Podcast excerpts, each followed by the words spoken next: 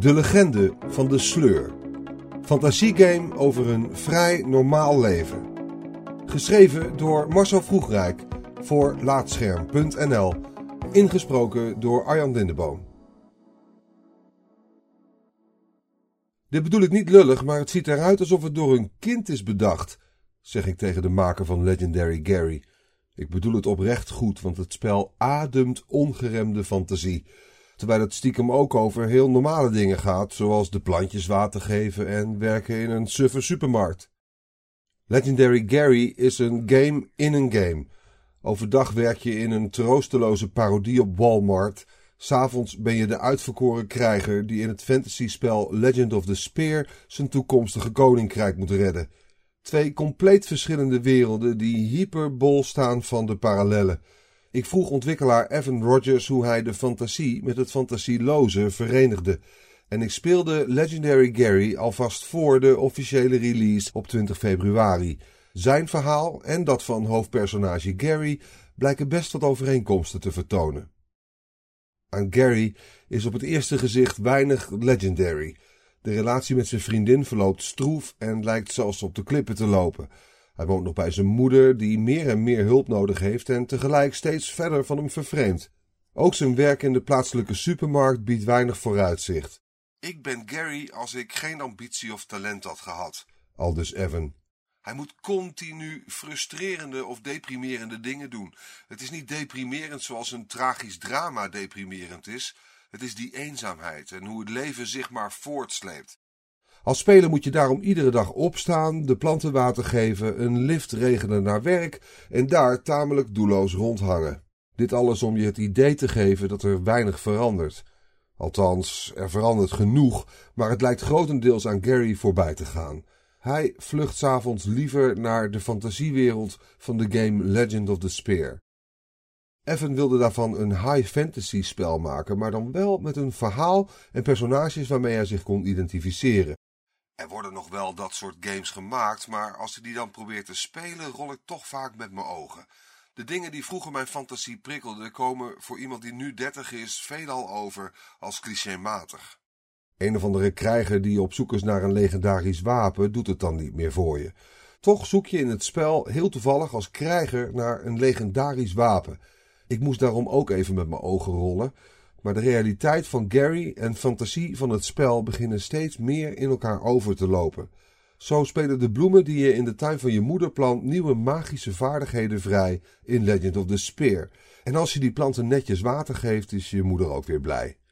De parallellen liggen er nogal dik bovenop, dat is dan ook de bedoeling.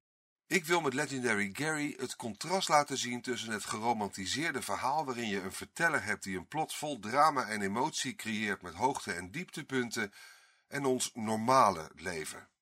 Gary worstelt eigenlijk met een hele hoop dingen die niet geromantiseerd zijn en dus ook niet echt een goed verhaal zouden vormen.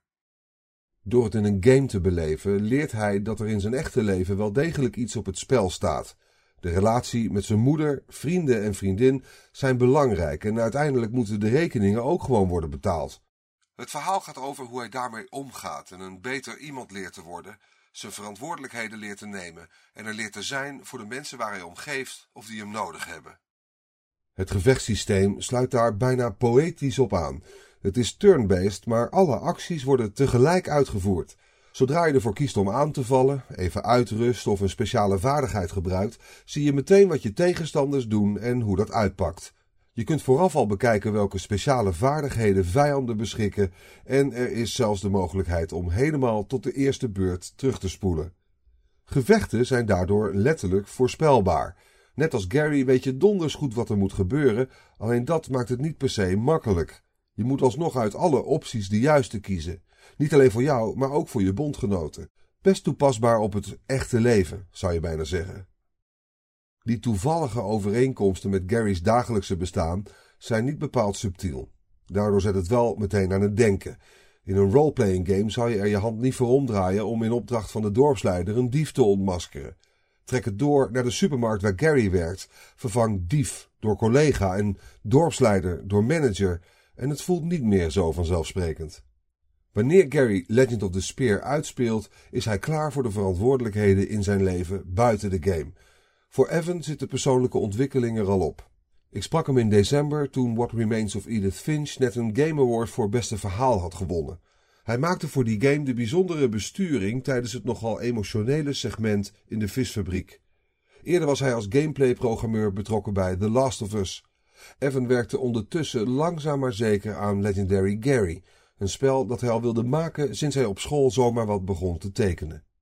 De ontwikkeling stond wel lange tijd op een laag pitje. Toen zijn vader ernstig ziek werd, verhuisde Evan tijdelijk terug naar zijn ouders om hem fulltime te verzorgen. Legendary Gary is daardoor een nogal persoonlijke game geworden. Evan heeft er naast zijn hart en ziel ook al zijn geld in gestopt. Ook de promotie doet hij zelf, zonder enig idee hoe dat moet. Mijn steun heeft hij in ieder geval.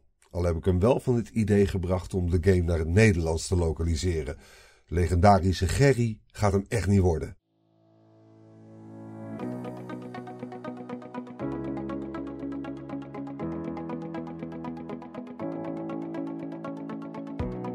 Dankjewel voor het luisteren naar Laatscherm voorgelezen. Als je waardeert wat we hier doen, dan zouden we het leuk vinden als je even een sterrenrating en een recensie achterlaat op Apple Podcasts of de podcastservice van jouw keuze. Abonneer je ook op onze andere podcast, Praatscherm. En ga voor deze en meer verhalen, geschreven of gesproken, naar laatscherm.nl.